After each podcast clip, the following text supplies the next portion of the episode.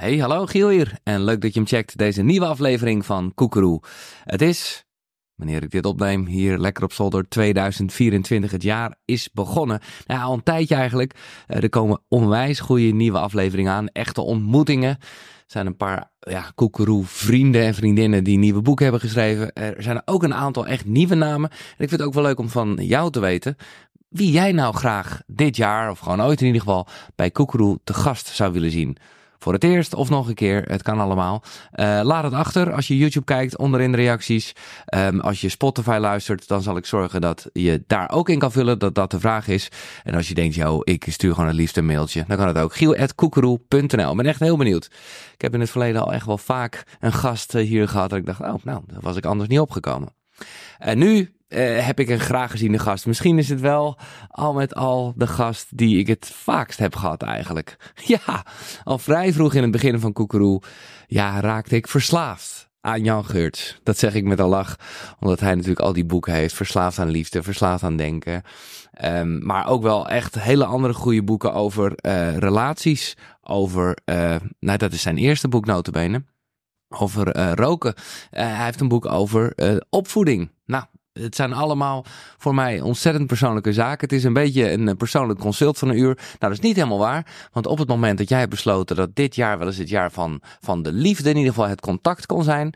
Dan heeft Jan echt iets nieuws voor je wat hij uh, gestart is. Echt super gaaf. En nou, dat zal ik nog niet spoilen. Um, ik moet erbij zeggen dat ik Jan van tevoren vertelde. Dat wil ik jou ook wel. Heb ik wel uh, eerder gedaan, maar toch. Um, dat ik hem altijd heb bij de webinars. Hè, ontwerpje 2021, 22, 23, 24 nu ook. Maar dat ik echt ontwerpje 2023 begon. Terwijl ik hier beneden, ik ben nu thuis, uit het raam stond. Even af en toe nog een sigaretje. Het was crazy. Zo ben ik ook op reis gegaan met Floor samen. Uiteraard, dus dan geeft het wel weer aan als het gaat over voornemens. Dat je niet zo bezig moet zijn met, ah, ik wil stoppen met roken. Of ik wil er gezond uitzien. Of nou ja, ik wil er gezond uitzien. Ik wil, ik wil een sixpack, wat ik allemaal zelf heb gezegd. Het gaat erom wat de gedachte erachter is. En in dit geval was het voor mij echt niet moeilijk om te stoppen met roken. Want ja, hallo, Floor zwanger. Ik wil gewoon die vader zijn. Weet je wel, dan, dan, ja, in dat kader past roken helemaal niet. En hetzelfde geldt bijvoorbeeld voor, als je graag de sixpack wil, je wil dus eigenlijk gezond zijn. Anyway, ik begon wel met Jan dit te delen. En ik vroeg hem ook uh, gelijk maar eventjes, want dat is iets waar veel mensen mee bezig zijn. Ja, wat is nou eigenlijk een beetje de crux van het roken of ja, van verslaving? Verslavingen zijn een merkwaardig verschijnsel. Uh, ze bestaan eigenlijk uit twee delen die elkaar telkens versterken. Mm-hmm. Het ene deel is je gedrag, bijvoorbeeld het roken of het drinken of, of andere middelen gebruiken. het andere deel is je zelfafwijzing over dat gedrag. Alle rokers weten dat. Iedere keer als je sigaret verlangt, vind je jezelf eigenlijk een klein beetje stom. Want je weet hoe slecht het is en ongezond is. En je weet dat je al hoestend de trap oploopt en dat soort dingen. En hoe kun je dan toch nog verlangen naar een sigaret? Dus het verlangen naar een sigaret levert zelfafwijzing op. Ja. Dat is een naar gevoel, zelfafwijzing. En dus wat moet je doen om snel van die zelfafwijzing af te komen? Die sigaret opsteken.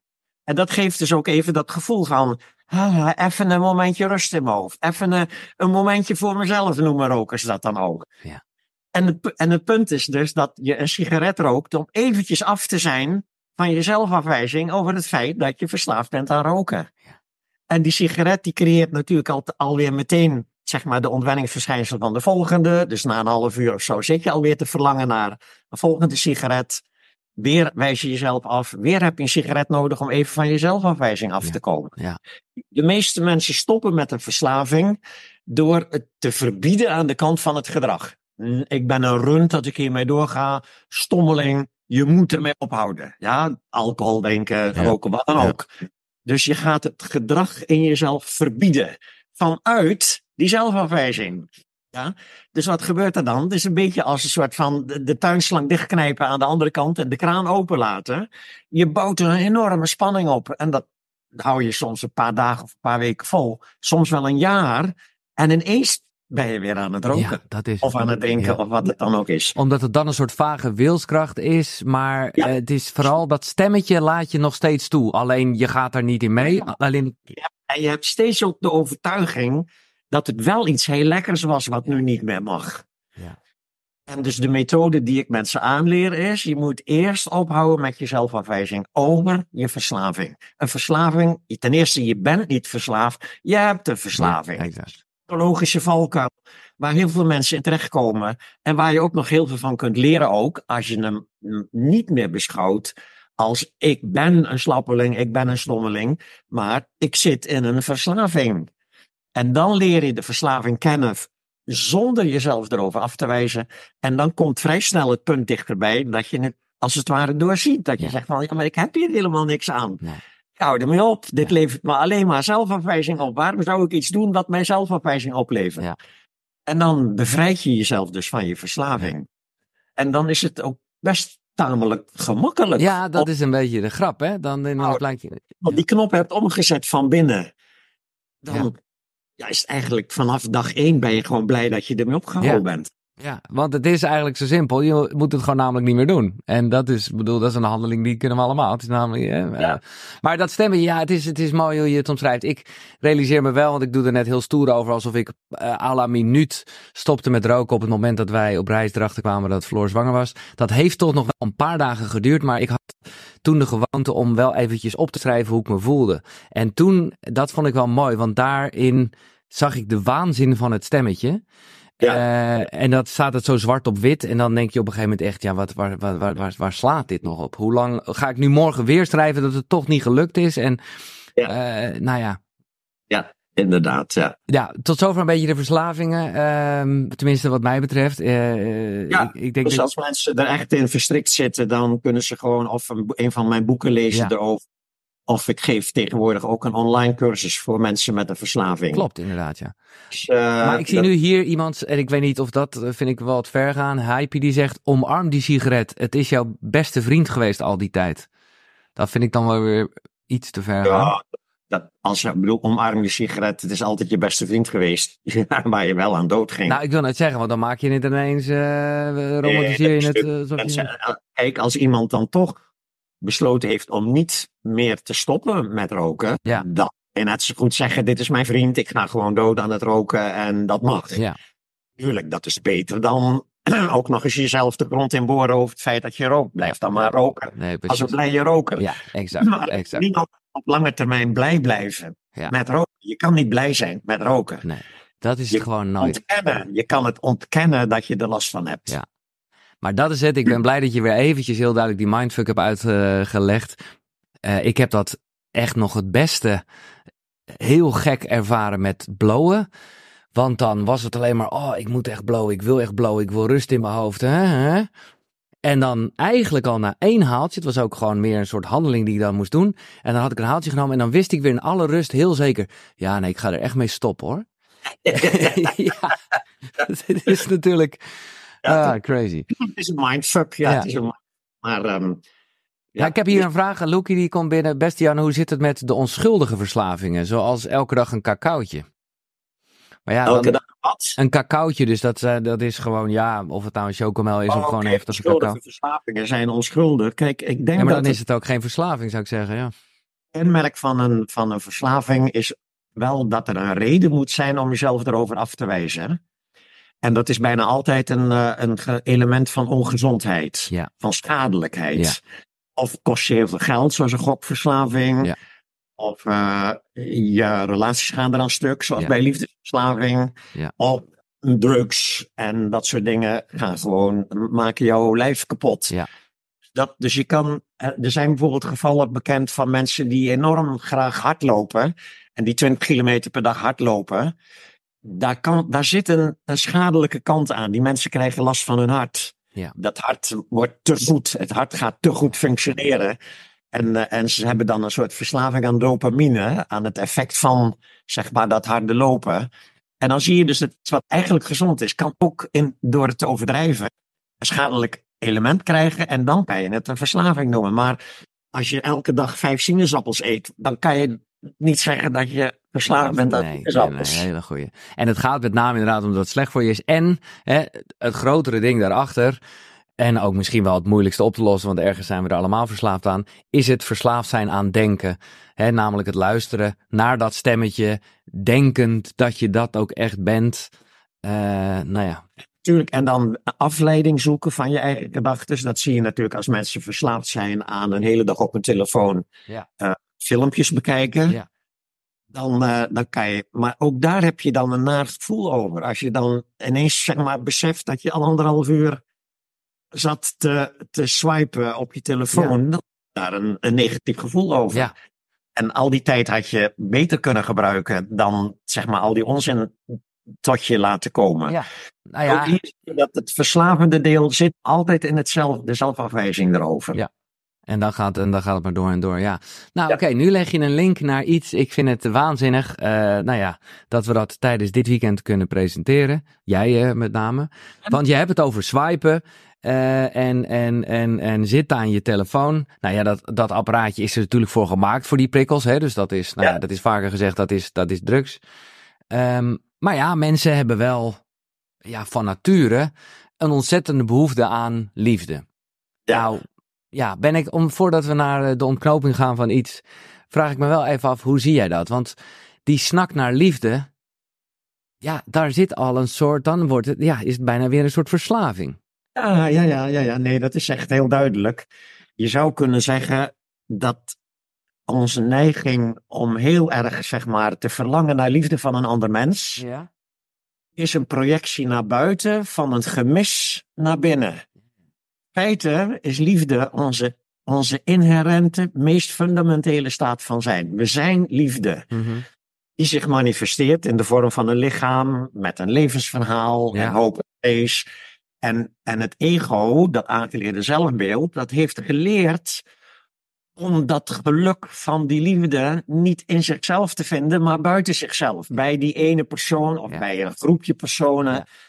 Eh, waar je dan bij hoort. En dat kan een hele tijd ook een heel prettig soort bevrediging geven van die behoefte aan liefde. Maar die is altijd tijdelijk. Relaties zijn altijd tijdelijk. Vriendschappen zijn altijd tijdelijk. Uh, dus dat wat zeg maar een, een, zekere mate van geluk oplevert, levert ook altijd het lijden op als dat geluk dan weer ophoudt. Ja. Dat is het, de tijdelijkheid van het zoeken buiten jou, wat eigenlijk binnen jou gevonden kan worden.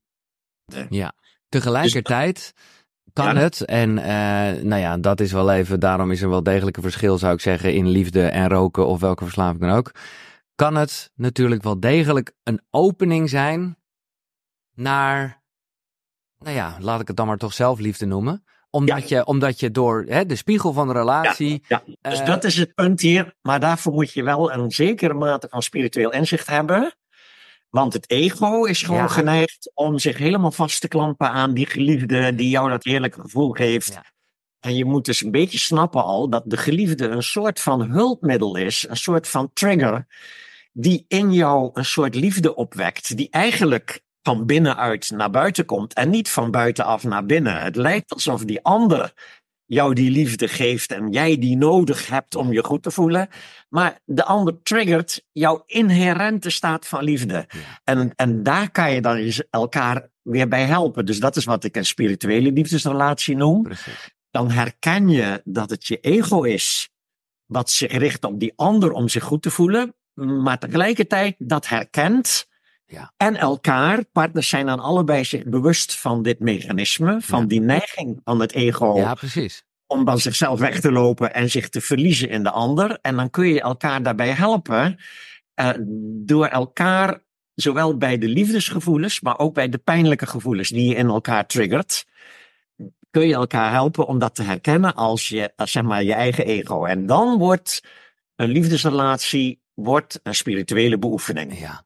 Maar ik vind het, ik vind het. Maar ik vind het fijn dat jij het nu even zo schetst. Want ik ben wel vaak, ja, is bijna weer het ego wat ermee naar haal gaat. Ik denk, ja, ik zit nu toch weer in de ik kan niet zonder jou fase. En jij bent, hè, jij hebt altijd zo'n mooi voorbeeld van alle liefdesliedjes die volledig Ja. gebaseerd zijn op, op, op, nou ja, op Ja. dit. eh, op, op, op een ego-relatie zou je hem kunnen zeggen.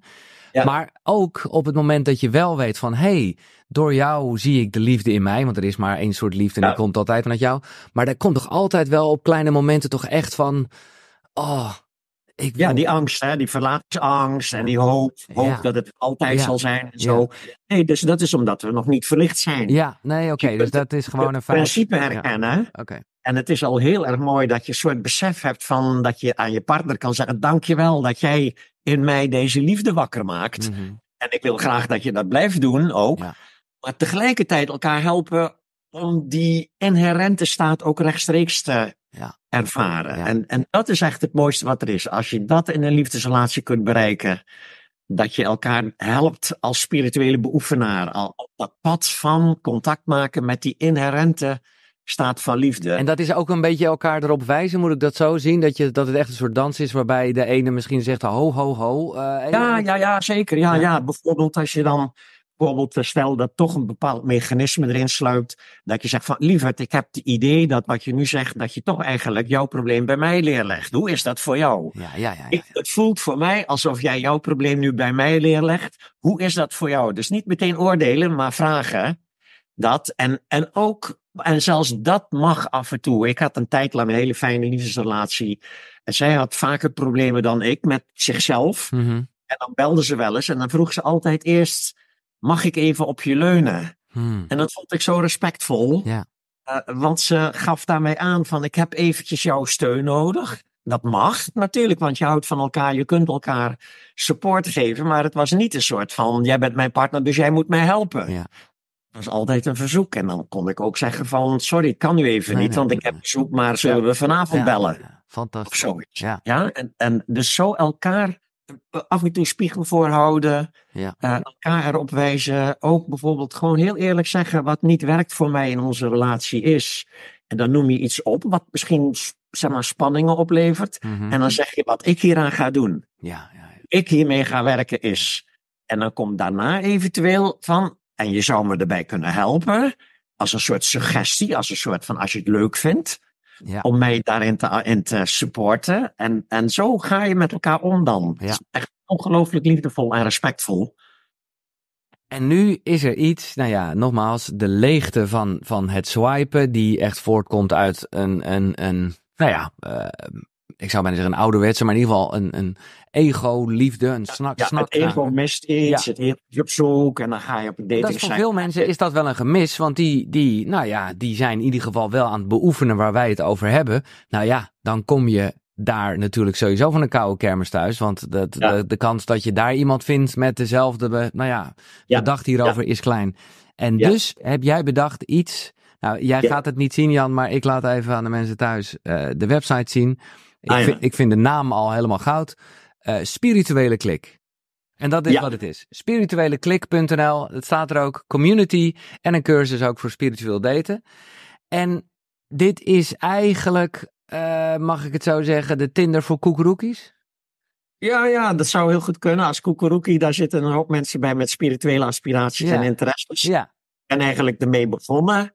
ehm, omdat ik veel ehm, vragen kreeg van mensen die, die ook in andere cursussen bij mij zitten. Ja. En die dan zeggen van waar vinden wij een partner die hier ook mee bezig is? Ja.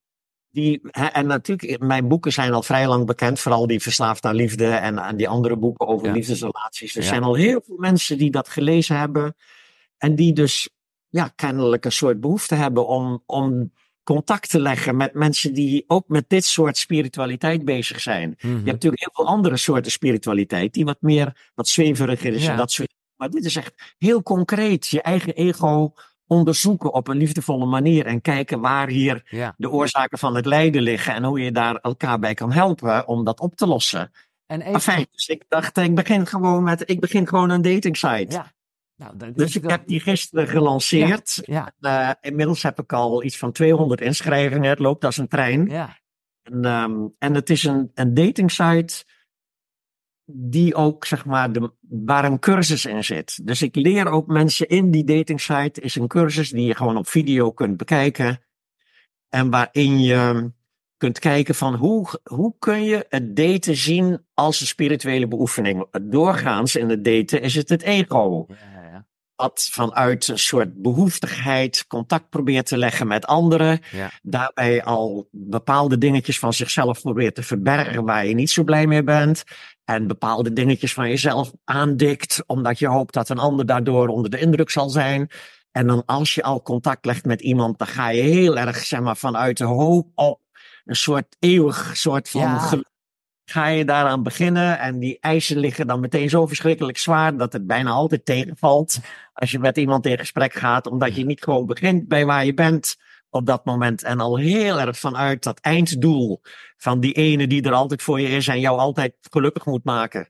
Afijn, dus die cursus laat zien hoe je op een andere manier zou kunnen daten. Ja, en hoe je gewoon eigenlijk in het precies, hele... Ja, sorry? Ja, waarbij je dus echt precies die trekjes van je ego, die Ja. doorgaans in het begin al zorgen ervoor dat het later misloopt in Ja, je relatie. Ja, ja. Omdat, omdat je je ook anders voordoet eigenlijk dan je... Ja, ja, ja, eh, precies. Ja, en omdat je bang bent bepaalde dingen te zeggen. Stel dat je iemand heel erg leuk vindt en je voelt ook al een beetje van die angst om, om, om die ander kwijt te raken. Waarom zou je dat niet meteen vertellen aan die ander? Ja. Niet, niet dat die ander het dan moet oplossen, maar juist omdat je het vertelt van, oh, ik ben best wel een beetje bang om je kwijt te raken. Hoe is dat voor ja, jou? Precies. Dus, Dat. dus nee, maar dit vind, ik, dit vind ik al mooi, want soms dan denk je bijna, oh, ik mag deze gevoelens niet hebben. Nee, dat is niet wat jij zegt. Jij zegt, deel Maar het gewoon. je- hebben juist. Ja, Ja, het is juist het feit dat we ons eigen ego doorgaans verafschuwen. Ja, Doorgaans hebben we de pest aan ons eigen ego. Dat is die diepe zelfafwijzing die we allemaal aanleren. Ja. En, en die in feite ervoor zorgt dat het hele ecosysteem bepaalt hoe wij leven. ja, En, en voor de ellende zorgt. Telkens weer opnieuw. Ook relatie-ellende. Telkens weer opnieuw. Dezelfde relatie-ellende komt telkens weer terug in andere vormen. Ja. En, en Ja, maar waarom- goed, dit is, dit is een dunne lijn. eh, en ik weet het wel hoe je het bedoelt, maar ik wil het graag ter inspiratie meegeven. Want Ja. kijk, tuurlijk, aan de ene kant zeg jij, hè, je moet je ego niet afwijzen. Maar ergens zit er wel een soort, ja, noem het een strijd of, ja, misschien is het gewoon bewustwording. Maar je, je, je wil wel, nou ja, hoe zeg je dat? Je wil niet de hele tijd naar het ego luisteren. Nou, het punt is, als je naar je ego luistert zonder dat je het veroordeelt, Ja, dan ja. dwangmatigheid eruit. Dat Ja, is het hele ja. punt hier. Ja, dat is de grap. Doorgaans hebben we vaak ook mensen die met spiritualiteit bezig zijn, die denken dus dat het ego eh, eh, iets fouts is. Ik krijg wel eens van die mailtjes van ik maak dit en dit en dat mee. Is dat nou mijn ego of ben ik goed bezig? Ja, ja, ja, ja. en dan ja. moet ik het uitleggen. Het is altijd je ego, maar je ego is, is niet Ja. verkeerd. Nee, Het is onze identificatie met dat ego die de problemen oplevert. Hoe identificeren we ons met ons ego? Door het te veroordelen. ja. Door ernaar te kijken met een soort van gêne, met een soort van afschuw. Oh, kijk, hè, mij nou weer eens bang zijn om, om door de man te vallen. Oh, kijk eens hoe zenuwachtig ik ben omdat ik met nieuwe mensen aan het omgaan ben. En heb je dan een hekel aan, dat veroordeel je in jezelf. Terwijl je dat kunt leren zien met lichtheid, met humor, met Ja. een soort van vertedering. Ja, echt En ook met, dat met een lach en je bent het niet. Eh, ja, oké, ja, ja. Ja, ja, en Ja. dat bevrijdt je van de dwangmatigheid van je ego. Ja. En het mooie is dus dat je daar elkaar mee kan helpen. Als je Ja. in een vroeg stadium contact legt met iemand die hier ook mee bezig is. En je begint meteen vanaf dag één, als je met elkaar praat, begin je dit soort dingen te delen met elkaar. Met die lichtheid, met die humor. Oh, Ja. wat ben je bang om je kwijt te raken. Ja. Ah, ah, hoe, hoe is dat voor jou? Hoe voel je dat? Dat Nou, soort dingen. ik zie gelijk hele mooie reacties in de chat. Eh, een spirituele dating site. Ik ga kijken. Ehm eens even kijken. Ben benieuwd hoe de verhouding man-vrouw is. Ga je dan echt die, is redelijk, eh, die is redelijk goed wel. Oké. Natuurlijk, in mijn cursussen zitten altijd wat meer vrouwen dan mannen. Maar ik zag al, zeg maar, van die eerste 200 die we nou Ja, binnen ja. hebben, toch redelijk gelijk verdeeld wel. Ja. En, en, en eh, nou ja, ik zit even te kijken, want je kan op de site ook zien wat jij een beetje behandelt in ehm, de cursus, zeg maar. Hè, hoe presenteer je jezelf? Hoe reageer je op het profiel van een ander? Supergoed allemaal. Uitwisseling per bericht of chat. Eerst ontmoeting live of videobellen en dan er is contact, hoe nu verder. Is het, is het een soort keuze, live of videobellen? Is daar een soort goed of fout in? Of, is, of het wordt gewoon alle twee omschreven? Nee, ik zou, ik zou eh, mensen, ik raad mensen ook aan van zo snel mogelijk videobellen. Ja, oké. Want, eh, want chatten, je kan soms Nee, ongelooflijk goed, een ongelooflijk sterk klikgevoel hebben met iemand in een chat. En zodra je dan iemand echt ziet, eh, levend ziet op een beeldscherm, dan kan dat ineens gigantisch tegenvallen. Ja, ja, ja. Dus juist dat hele opbouwen van een soort beeld van iemand, voordat je iemand in het echt hebt gezien, is een, is een valkuil. Dat beeld opbouwen en dan valt het bijna altijd tegen. Dus je kan veel beter zo snel mogelijk gewoon uit iets afspreken via Zoom of iets dergelijks, of WhatsApp, videobellen. Ja, ja Eh, mooi omdat dat je daar... dan, eh, dan zijn die verwachtingen nog niet zo hoog. En nee, kan je dan- dus eigenlijk gewoon kijken naar iemand Ja. in plaats van dat je al kijkt naar een soort verwachting van jezelf. Ja, ja, ja. En, en even, de, de, wat, wat wil je dat mensen invullen over zichzelf als je een profiel aanmaakt? Uh, de, de, ja, de leeftijd, hobby's, wat, wat zit er allemaal in? Ja, doorgaans wil het ego dan graag indruk maken met dingen waarvan je, waarvan je denkt dat de ander ze belangrijk vindt. ja, mooi.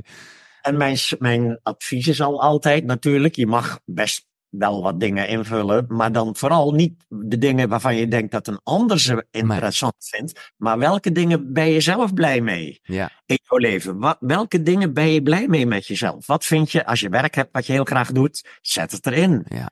Ja, als je een hobby hebt die je heel graag doet, maar ook meteen ook en welke dingen vind je heel erg belangrijk die je niet wil in je leven. Ja, ja, ja. Dat soort dingen. Ja? En daar kunnen mensen gewoon ook heel duidelijk een keuze in maken. Zo, Net zo goed als je een keuze hebt voor, voor homo- of hetero-contact. Dat moet je natuurlijk aangeven. Ja, en, en heb je een keuze voor, ik zoek een relatie voor altijd liefde, of ik zoek een soort vriendschap met intimiteit, of ik zoek gewoon vrienden Om, of vriendinnen om samen mee te gaan dansen of zo. Ja, nee, op, al die dingen, op al die niveaus moet je gewoon heel eerlijk zijn.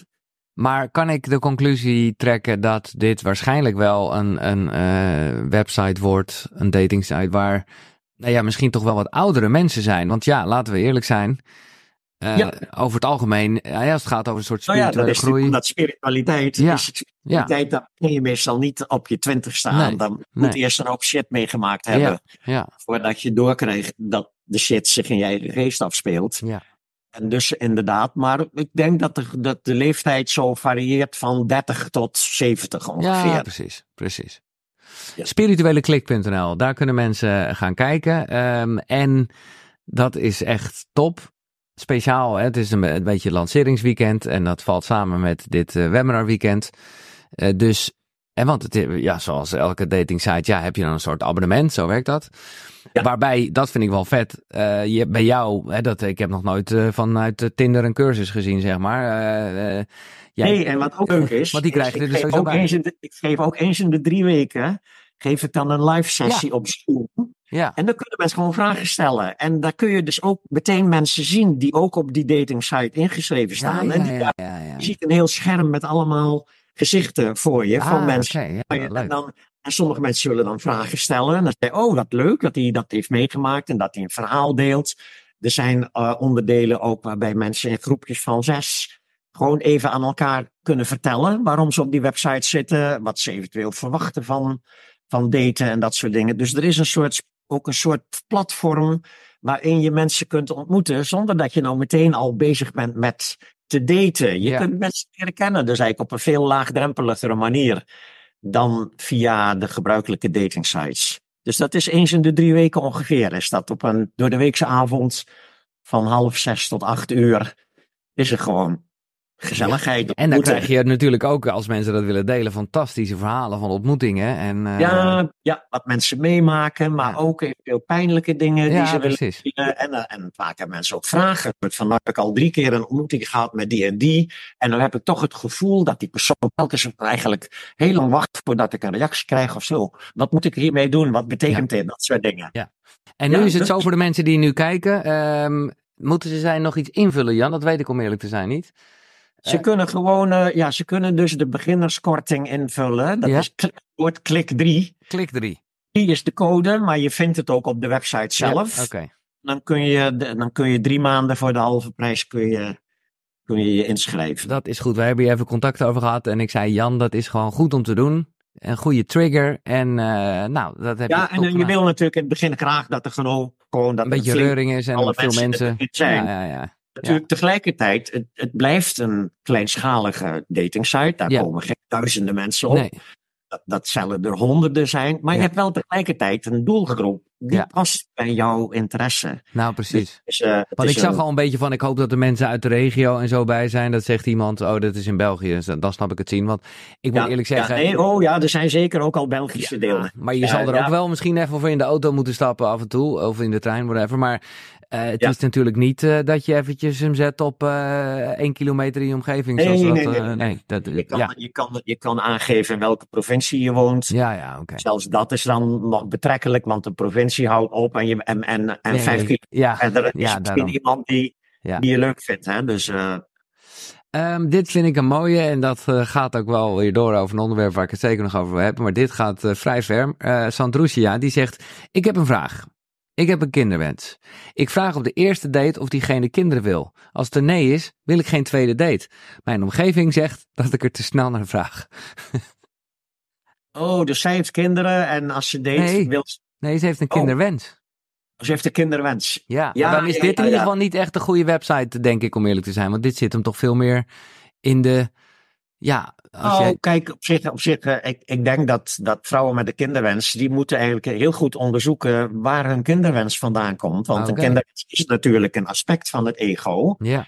ja en, uh, en dat kan een heel sterk verlangen zijn. En dan is het natuurlijk ook heel goed dat je dat verlangen respecteert in jezelf. Mm -hmm. Maar als je bij dag één al, kijk, als, dan zou je kunnen zeggen van ja, als, als je dan een, een man treft en die zegt van no way ga ik ooit nog aan kinderen beginnen. Dan, dan kan ik me voorstellen dat je op dat moment ook niet zo makkelijk verliefd wordt op iemand. Nee. En dan haak je al af. Dus op zich mag je dat best wel doen. Ja. Maar je zou ook gewoon eerst een tijdje kunnen kennismaken. Ja. Want misschien dat zo iemand wel verandert van gedachten. Ja, exact. Dat is het. Ja, dat is, en, dat is... en je moet niet helemaal uitsluiten dat jij misschien verandert van gedachten. Dat je een ontzettend leuke relatie krijgt. Dat je ineens dingen ontdekt in je leven die je daarvoor niet had. En dat jouw hele kinderwens blijkt een soort opvulling Ja, geweest te zijn van Ja. een gemis in je leven. Wat dan verdwenen is. Ja, ja, ja. Oh, even Dus- een huishoudelijke vraag. Eh, vraagt iemand, is het maandelijks opzegbaar of hoe werkt dat? Weet je dat? Ja, ja, maandelijks opzegbaar. Ja. Top, oké. Ehm, maar is het, ja, nou ja, de tijd zal het leren. Hè. Ik ben toch heel benieuwd wat hieruit voortvloeit. Want ergens, en dat zal ook per persoon verschillen, maar is dit dus niet, kijk, ik ben nog wel, eh, we hebben het hier exact een jaar geleden heel erg over gehad. En toen heb je wel mij een soort rust gegeven in, hey, nogmaals, als het een opening is voor jou, is goed. Kijk, ik geloof wel gewoon in een prins en een prinses en inmiddels een baby en we leven nog lang en gelukkig. Ja, Eh, ja, tuurlijk. Ja, ja. Dat ja. mag. Nee, Ja, dat mag. Hè. Daar hebben we het al over gehad. Hè. Dat is gewoon heel normaal. Het ego, bijna alle ego's hebben een klein beetje zo'n ideaalbeeld meegekregen. Ja, Natuurlijk omdat we allemaal geboren zijn vanuit twee ouders. Dat Ja. hele idee van er moeten er twee zijn om gelukkig te zijn. Dat zit heel, heel, heel erg diep zit dat in ons. En dat moet je niet gaan bestrijden. Dat Nee, moet je gewoon erkennen ja, als een aangeleerde soort van predispositie. En zolang je dat kunt, zeg maar, inzetten in je leven op een manier die meer geluk oplevert dan ellende, dan is er niks aan Oké, de hand. maar wat ik wilde vragen is voor mijn idee, is deze site Spirituele Klik, is die er ook voor mensen die op zoek zijn naar hun prins of prinses en inderdaad de vader of moeder van hun kinderen? Ja, Ja, maar geef het, ja, nou oké. Maar er zullen Ja, nee. ook veel mensen juist wel zijn die, zonder dat het gelijk één grote swingerstoestand wordt, maar Nee, eh, ja, Nee, nee, eigenlijk precies. Je geeft gewoon aan wat, jou, wat jouw Ja. wensen zijn. En, en, en een ander geeft aan wat de anders wensen zijn. En je gaat niet al te snel uh, op criteria selecteren. Dat is een van de dingen op deze datingsite.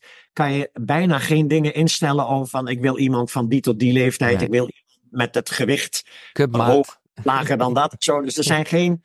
uh, De enige selectiecriteria is gewoon van wil je, zoek je een man of zoek je een vrouw? Ja, En eventueel in welke provincie. En de rest moet je gewoon lezen. Je moet Ja. gewoon kijken. Je moet foto's kijken en, en tekstjes lezen van mensen. Ja. En, en er is een slimme zoekfunctie waarbij je wel op trefwoorden kunt zoeken. Als je graag iemand wil die van Frankrijk houdt, dan vul je Frankrijk in. En dan krijg je gewoon alle profielen waarin mensen het woord Frankrijk hebben gezet. Dat soort dingen kan je allemaal wel doen.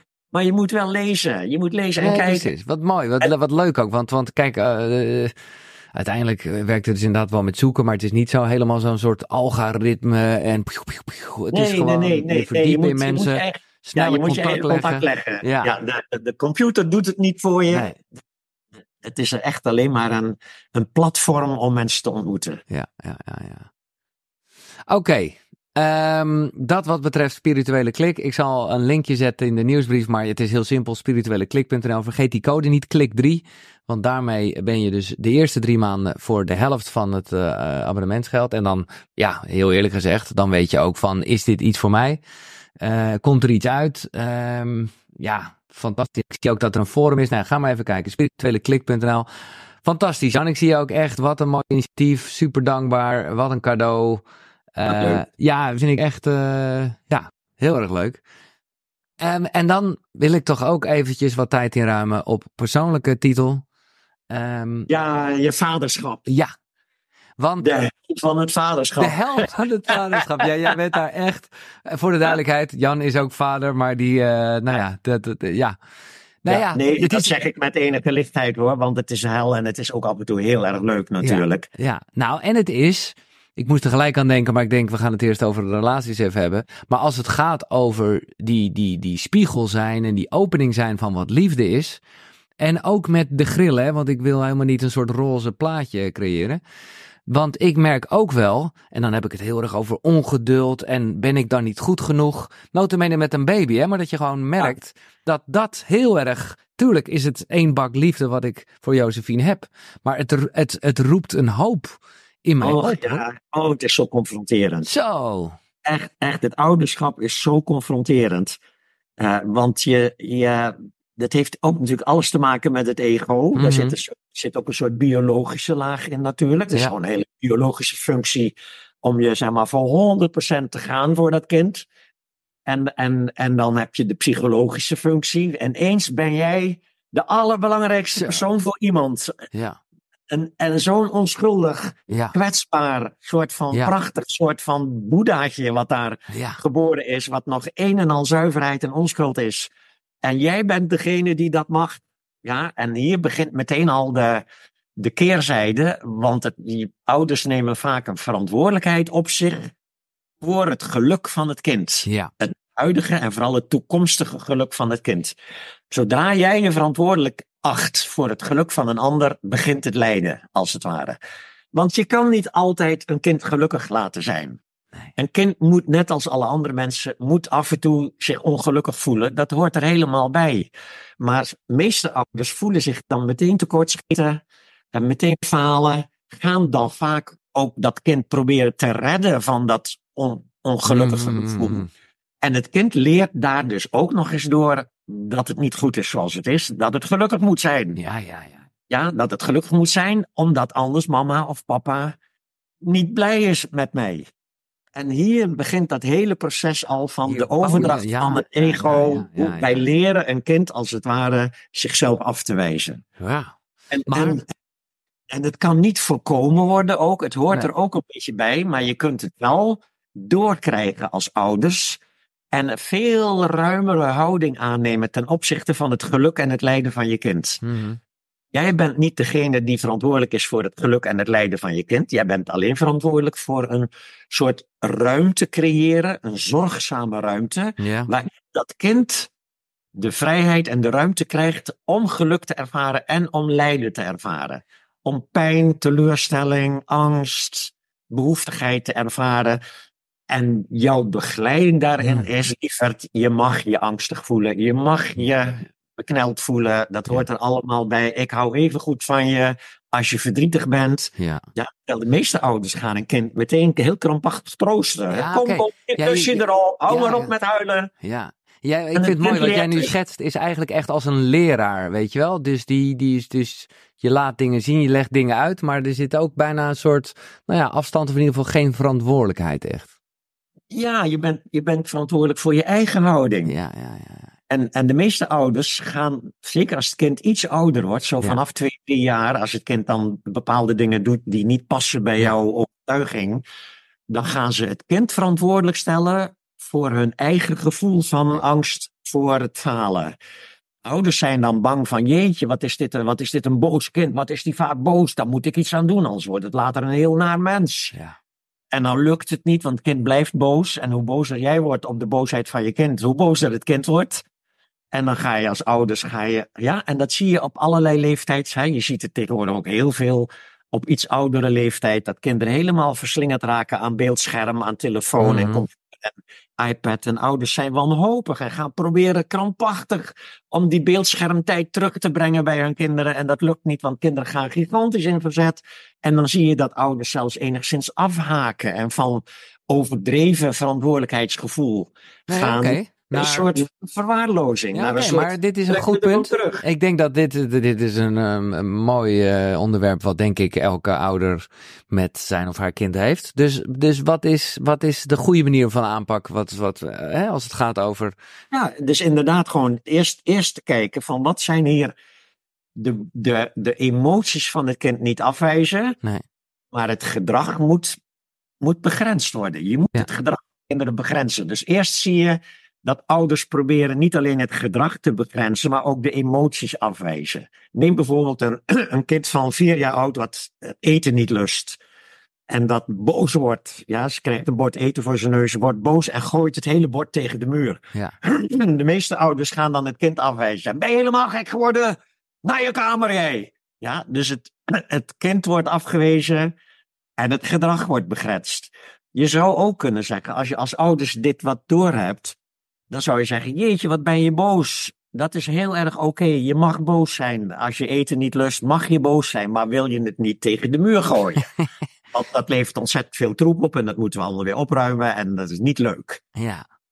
Dus, dus een kind wat een ijsje krijgt en dan meteen daarna om nog een ijsje gaat zeuren. De meeste ouders zeggen dan: Jeetje, wat ben je ondankbaar. Ja. Je zou ook kunnen zeggen van, mm, jij vindt ijsjes zeker heel erg lekker, hè? Dat snap ik. Ik vind ze ook heel erg lekker. Alleen je krijgt er geen, want je hebt er net een gehad. Dus gedrag moet helder begrensd worden, maar zonder de gevoelens van het kind af te wijzen. Je kunt, en, en het grappige is nu dat als het kind doorgaans wordt als het gedrag van het kind begrensd wordt, maar ook het gevoel van het kind afgewezen, gaat het kind in verzet. Ja. Want het voelt zich afgewezen. Ja, dan komen we weer bij het roken bijna, van, weet je wel. Ja. ja. Ja, en als je zegt tegen het kind, oh, ik snap dat je heel erg boos bent, of ik snap dat je graag nog, je lust misschien wel drie ijsjes. Dat is heel normaal, dat mag, alleen je krijgt er nu geen. Dan zal het kind eerder accepteren dat het gedrag begrensd wordt, omdat het zichzelf niet afgewezen voelt. Ja. Dus om hem toch eventjes te vertalen naar de telefoon, want ik denk nogmaals dat het een goed probleem is wat je schetst.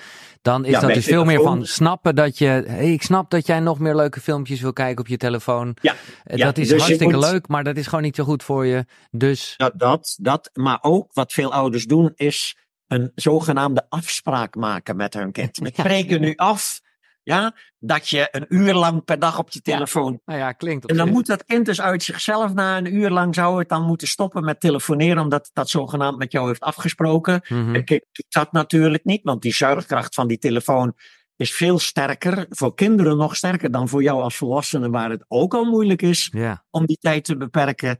En dan ga je dus het kind veroordelen omdat het zijn afspraken niet nakomt. Dat is dus echt gewoon heel erg de ja. desastreus voor het zelfbeeld ja, van dat kind. Ja, ja, ja. dus nee, dat voor jezelf. Je moet gewoon zeggen, ik snap het, het is gewoon hartstikke verleidelijk. Ik vind het ook moeilijk, zeg je dan. En dan, en dan kun je eventueel uitleggen, informatieoverdracht zonder veroordeling. Mm -hmm. Dat is duidelijk, er zitten nadelen aan heel veel uren per dag beeldscherm. Maar ook dat moet je niet beschouwen als een soort van dat het kind dat dan moet snappen en zich daaraan moet houden. Ja. En de uiteindelijke criterium is dus eigenlijk dat je het, waar je het nog echt moet begrenzen, moet je het fysiek onmogelijk maken. Moet je gewoon op een telefoon, moet je gewoon een ding zetten wat een, wat een bliepje geeft van Ja. u hebt nog een kwartier tijd, ja, en dan na een kwartier houdt het gewoon op. Het, het- ja, ja. Hetzelfde met computers, met, met iPads en Ja. dat soort dingen. Je moet het fysiek onmogelijk maken. En je moet alternatieven aanbieden die ook aantrekkelijk zijn voor het kind. Die wel te maken hebben met samen een spelletje doen of iets leuks gaan doen, ergens ook, naartoe gaan ja. of zo. Ja. Ja, goed punt. Want zo werkt het natuurlijk ook gewoon met eten. Ja, je, dat, dat, daar, je geeft het gewoon in een beperkte mate. En dan is het op is op. Ja. Ja, ja, ja. Maar even voor mijn idee. eh, want we hebben het nu echt over opvoeding. En daarom, eh, nou ja, ook vanwege de, gewoon de, de chaos in het leven wat ik nu zit. Maar dat Ja. is nog iets dat niet bego- begonnen is, toch? Ik bedoel, ik heb het nu alleen Nee, maar nee. over voeding eigenlijk. Dus dat is grappige. Baby's hebben nog geen taal, nog Nee. geen denkvermogen. Nee. Kunnen dus ook niet meer, kunnen dus, je kunt er nog niet mee communiceren, behalve uiteraard met knuffelen en Ja, vasthouden. Dus Ja. daarom dat die eerste anderhalf jaar van een baby's leven is eigenlijk alleen maar belangrijk dat het zoveel mogelijk contact, ja, warm, warmte, contact, vriendelijkheid, liefde ervaart. ja. Eh, en, en dan, da- als dan het kind eenmaal begint, zeg maar, taal te ontwikkelen, dan, is, dan ontstaat als het ware dat verschil van wijs dan niet het kind af, maar wijs, eh, zeg, eh, gedrag. Het kind moet leren om in het potje te plassen en niet ernaast. Dat is duidelijke informatie die het kind moet weten. Ja. Maar je kan, als het kind een tijd lang naast het potje blijft plassen, kun je gewoon wel zeggen van dat vinden wij niet leuk, want dat moeten we allemaal opruimen. Maar je hoeft het kind daarvoor niet af te wijzen. Het kind wil zelf ook heel erg graag leren, namelijk. Ja. Ja. Dus er zit een soort van. Hetzelfde met leren lopen bijvoorbeeld. Jij hoeft het kind niet te leren lopen. Je hoeft alleen maar een stuk vloer vrij te maken waarin het kan vallen. Ja, dus je moet juist ruimte geven dat het kan vallen. En daardoor leert het lopen. Ja. Je moet ruimte geven aan dat het verdrietig is. Daardoor leert het gelukkig te zijn. Ja. Je moet ruimte geven aan dat het boos wordt. Je, de boosheid moet gewaardeerd worden als het kind boos is. En kinderen hebben een boze periode vaak. De een meer dan de ander. Mhm. Maar dat, kan soms ontwikkeling. een jaar lang kan dat enorm. En ouders kunnen ontzettend zich zorgen gaan maken over de boosheid van hun kind.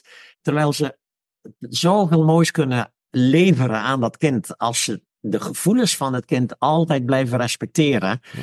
En tegelijkertijd het gedrag heel helder begrenzen. Dat Ja. is echt een Ja, dat is een mooie combinatie die ook echt wel kan, inderdaad. En, eh, en dat is ook wat opvoeding is. Daarom eh, voelde ik een beetje de leraar-vibe, waarbij dat heel duidelijk is. Want Ja, ouder heb je toch inderdaad heel erg dat, dat verantwoordelijkheid en... en Ja, eh, ja, ja, ja. Echt, je eigen ego wordt de hele tijd getriggerd. Ja, Soms op een hele fijne manier wel. Als ze dan even heel erg lief zijn en zo, dan kan je je het geluk voelen. ja, En daar mag dat natuurlijk ook. Maar dan, als je dan weer een keer helemaal niet doet wat jij wil. En, en het wordt een puinhoop op hun Ja. kamer. En dat ze hun kamer zelf leren opruimen. En ze verdommen het gewoon en zo. Echt zoveel spanningen in een huishouden. Echt, dat is echt zo jammer eigenlijk. ja, ja, ja. Ik krijg soms mailtjes van mensen die dan dat boek gelezen hebben van mij, het einde van de opvoeding. Of die bij mij de cursus gedaan hebben over opvoeden. En hoe je kunt ophouden met die krampachtigheid van dat opvoeden. En die zeggen van, het is zoveel leuker geworden bij ons thuis. Zoveel gezelliger, zoveel vrijer. Kinderen zijn zoveel blijer. ja.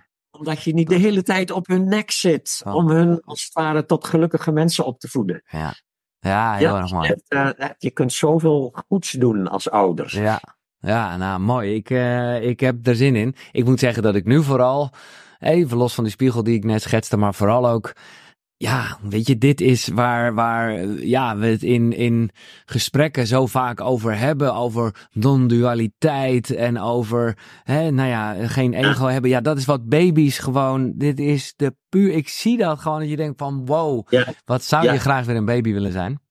Ja, maar er is natuurlijk het is een vergissing om te denken dat baby's in een hogere staat van bewustzijn leven. Oké, ze hebben een pre-ego ja, zo is het. Ja, ja, En ja. dat, dat lijkt heel erg op verlichting. Ja. Ja, maar verlichting is post-ego, is voorbij Nee, het En ego. dit is pre. Oké, wat En leuk. ego, eh, pre-ego, dus kinderen hebben ook geen enkel zelfbewustzijn Nee. van hun, zeg maar, eenheid met alles.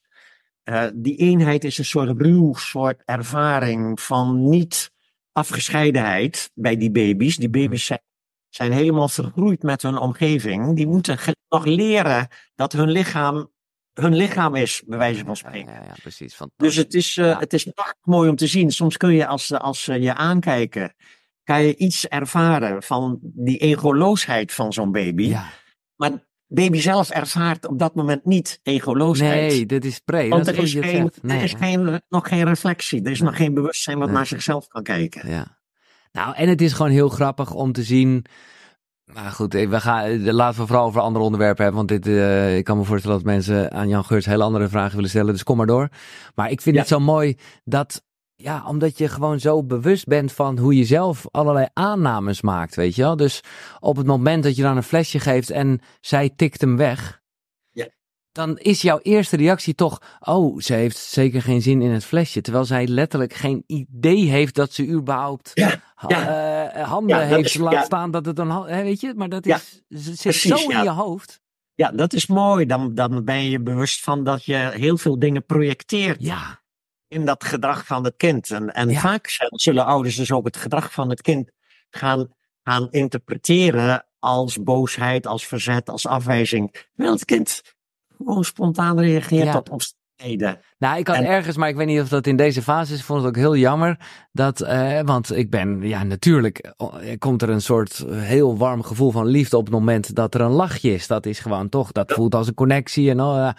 Ja. Maar toen eh, las ik ergens dat dat ook gewoon nou ja, ten eerste heeft ze soms geen idee. Nou, dat vind ik niet zo erg. Dat is een beetje hetzelfde als het handje. Maar dat het ook al een soort sociaal lachje kan zijn.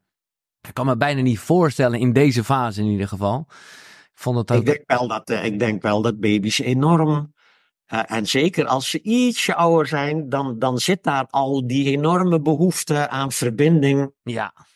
ja. Met moeder, met vader, die behoefte aan verbinding. Die eigenlijk in ons latere leven ook die behoefte vormt aan het vinden van een fijne liefdesrelatie. Ja, ja, ja. Dat zit hem al in die behoeftigheid van dat babytje. Ja. Ja, ja, ja. ik zie dus veel mensen die allemaal, oh had ik het maar geweten, hey, je hebt gedaan wat je kon. Uh, het is prima. Ga ook niet over schuldig. Uh, over uh, kan je niet een Jan Geurts dag doen? ja, lijkt mij ook een uitstekend idee. Want ik zat naar de klok te kijken en denk, oh man, we hebben nog maar tien minuten. Wat een bijzonder boeiende man. Zoveel wijsheid, zoveel dank. Ja, mooi. Oh ja, en iemand die zegt, en dat begrijp ik wel. ik weet eigenlijk niet, ben jij ook opa Jan of niet? Ja, ja, ja. Ik heb, ik heb vier kinderen.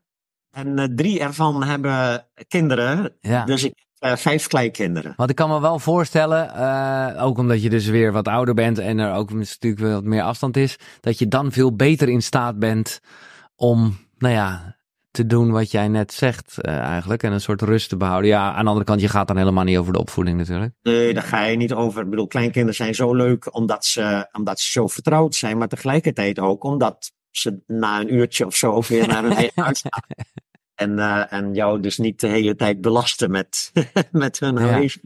Ik ben dus ook helemaal niet zo'n hele, zeg maar, kleinkinderopa. Nee. Ze zijn welkom hoor. En, en, mijn, en, ja, ja, ja. mijn oudste kleinkinderen zijn al volwassen ook. Die, dus dat is hartstikke leuk om die te spreken. Mijn, mijn oudste kleinkind die studeert in Ierland op dit moment. Die is een of andere, een of andere zeg maar, opleiding aan het volgen. Universitaire opleiding daar.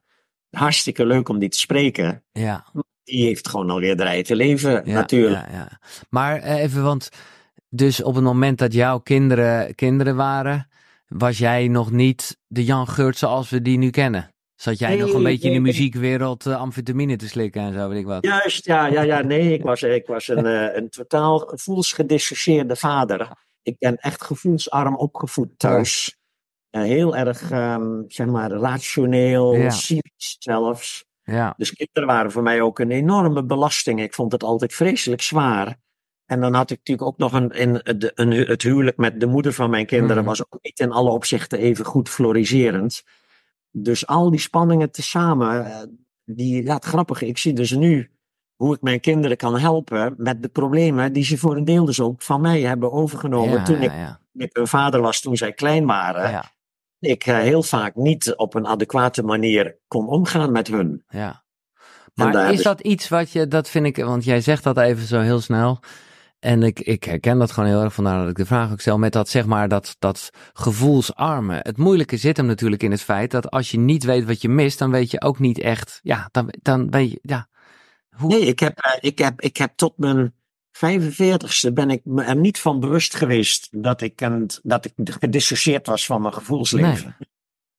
En, uh, en, toen kwam ik in het circuit van trainingen en dat soort dingen. En daar werd, toen werd ik me daar bewust van. En daarna kwam ik pas in aanraking met spiritualiteit. En dan leer je er ook nog eens op een andere manier naar kijken. Ja.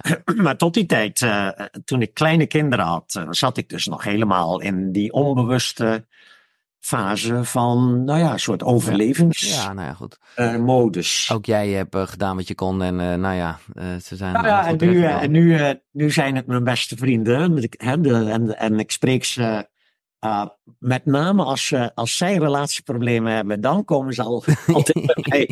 En dan is het altijd erg leuk om dan contact met ze te hebben. En als het goed met ze gaat, dan ben ik ook blij. En dan ja. ook echt niet elke week langs te komen. En even nog, uh, je, noemt weer relaties en ik zie daar, uh, dat heeft dan een hoop losgemaakt en dat vind ik ook mooi, want het is, uh, nou ja, iets nieuws. sta jij zelf ook op die site, Jan? E-, eerlijk gezegd, ik twijfel daar nog een beetje over. Ik heb geen relatie op dit moment. Nee. En het lijkt me erg leuk om weer een een of andere soort relatie te hebben. Ja. Maar ik weet eigenlijk niet, want ik ben natuurlijk ook een soort van de bekendheid die, en de, en de baas ja, ja. van de website en zo. En van kan ik daar mezelf opzetten? Misschien dat ik het nog doe, maar dat ik dan vooral passief blijf. En als het ware gewoon zeg van, nou, wie, wie, wie wil heeft, soort van. Maar ik, ik moet eerlijk zeggen, ik twijfel een beetje. Wat zou jij, wat vind jij? Ja, nee, ik snap het heel erg. Daarom stel ik de vraag ook. Kijk, ik denk sowieso. Eh, alleen ja, je moet er zin in hebben. Ik, ik vind dat je sowieso een profiel kan aanmaken. En dan, nou ja, net als dat het gaat, dan kijk je wat er op je afkomt. En op basis daarvan ga je al dan niet nog in gesprek of een videocall doen. En, Ja. Maar goed, in jouw geval, dat zeg je terecht. Eh, denk ik dat, eh, nou, dat het aanbod even groot zal zijn. Omdat mensen dan ook, oh, met Jan Geurts. eh, Ja, en dat vind ik dus ook een beetje het probleem. Ja. Ik- want ik zie natuurlijk best wel heel veel leuke vrouwen in mijn cursussen. Maar daar kan je dus niet Nee, toenadering toe zoeken. Nee. Want cursusleider. nee dat, dat begrijp ik. Maar, En- en- maar, maar dit in, deze, geval- in deze dating site zit dat er nog een klein beetje in. Want ik ben ook degene die die cursus geeft Ja, op die dating site. ja. Dus, dus ja, bij mij, ik, ik twijfel een beetje. Maar het zou inderdaad eventueel kunnen dat ik me passief opstel. Dat ik een profiel aanmaak waarin ik zeg van ik ben benaderbaar. Maar zelfs dan heb ik al eerder meegemaakt in mijn leven dat ik benaderd word door iemand. Dat ik vrij makkelijk dan ook nog verliefd word op iemand. En dat toch na een tijd dan blijkt dat die persoon meer gemotiveerd was door mijn bekendheid Ja. dan door mijzelf. Ja, En dat is dan voor mij vaak een hele pijnlijke ja teleurstelling. dat begrijp ik, ja. Dat, Ja, eh, dit dat- is, eh, dit is een beetje het nadeel van het voordeel. Zou ja, kunnen- precies. Want ik zou ook kunnen bedoel, dan is het bedoel, het alternatief is eh, dat je met de gordijnen dicht thuis blijft zitten. ja, dat is eh, niet, ook niet de bedoeling. Nee. En dat kan ik me heel goed eh, vinden in geen relatie hebben. Ik heb daar weinig moeite mee. Maar ehm, ja, ik vind het wel heel erg leuk bijvoorbeeld om tantrisch te vrijen. Dus als, als ik iemand zou vinden die daar ook behoefte aan heeft, hoeft niet meteen een relatie te zijn. eh, in de zin van voor altijd samen. Hoewel als dat ontstaat, Ja, mag ja, dat ja, bij ook ontstaan. ja. En, maar als dat niet ontstaat, maar er is wel een soort vriendschap met intimiteit, vind ik ook heel erg leuk. En vaak minder obsessief dan bij verliefdheid. Ik vind verliefdheid niet altijd even leuk. Eh, zeker als er een soort van begint te schuren met, is het wel helemaal wederzijds? Ja, dat soort ja, ja. Maar dus, oké, eh, maar ik vind wel, als ik dan even van, want ik snap helemaal wat je zegt. Maar ik vind juist wel, juist omdat het zoveel over het ego leert. En dat de hele tijd de kop opsteekt. Dus ik snap wel waarom je eigenlijk dat spel ja, bijna een soort van kan haten. Maar ja, tegelijkertijd is het de beste spiegel. En ik zou. Ja, ja, ja, ja, ja. Nee, echt. Ik heb eh, nog niet zo lang geleden ook een pijnlijke affaire gehad die pijnlijk afliep. Oké. Mijn beoefening is enorm door geboost, als het ware. Ik ben zoveel, zoveel dichter bij mezelf gekomen daardoor. Ja. En eh, ja, de, via de pijn, mijn laatste boek heet dus niet voor niks Een lieve klap voor je kop. ja, Dat is precies. Oh, ja, de liefde ja, die jou eh, gewoon via de pijn die liefde Ah. kan doen, Ja, eh, word je als het ware weer terug op jezelf geworpen. En kun je dat weer verdiepen, kun je dat contact met jezelf daar weer door verdiepen. En dat weer meenemen in je volgende ja. contact. Een aanrader, jongens, met alle contemplaties erin. Ja, het is echt. Nou ja, Ja. daarover gesproken, Jan. Ben je alweer met een, iets nieuws bezig? Of ja, het was vooral nu even de website, denk ik, spiritueleklik.nl. Ja, dat was mijn laatste project. En eh, ik, eh, ik ben nog bezig met het inspreken als luisterboek hè, van de Oh liefde. ja, ja, ja. Oké. Ja. Dat is bijna klaar, dus dat komt dan over een maand of zo waarschijnlijk ook wel weer beschikbaar. En daar maak ik dan ook muziek bij, hè, met, dat eh. Ja, ja, fantastisch. met mijn instrumentarium hier. Dus dat zijn, dat zijn gedichten met muzikale omlijsting. Ja. En, voor de eh, rest natuurlijk de retretes. Ja, mensen, ik zal een linkje Ja. plaatsen. binnenkort, eh, met een Z, hè, jongens.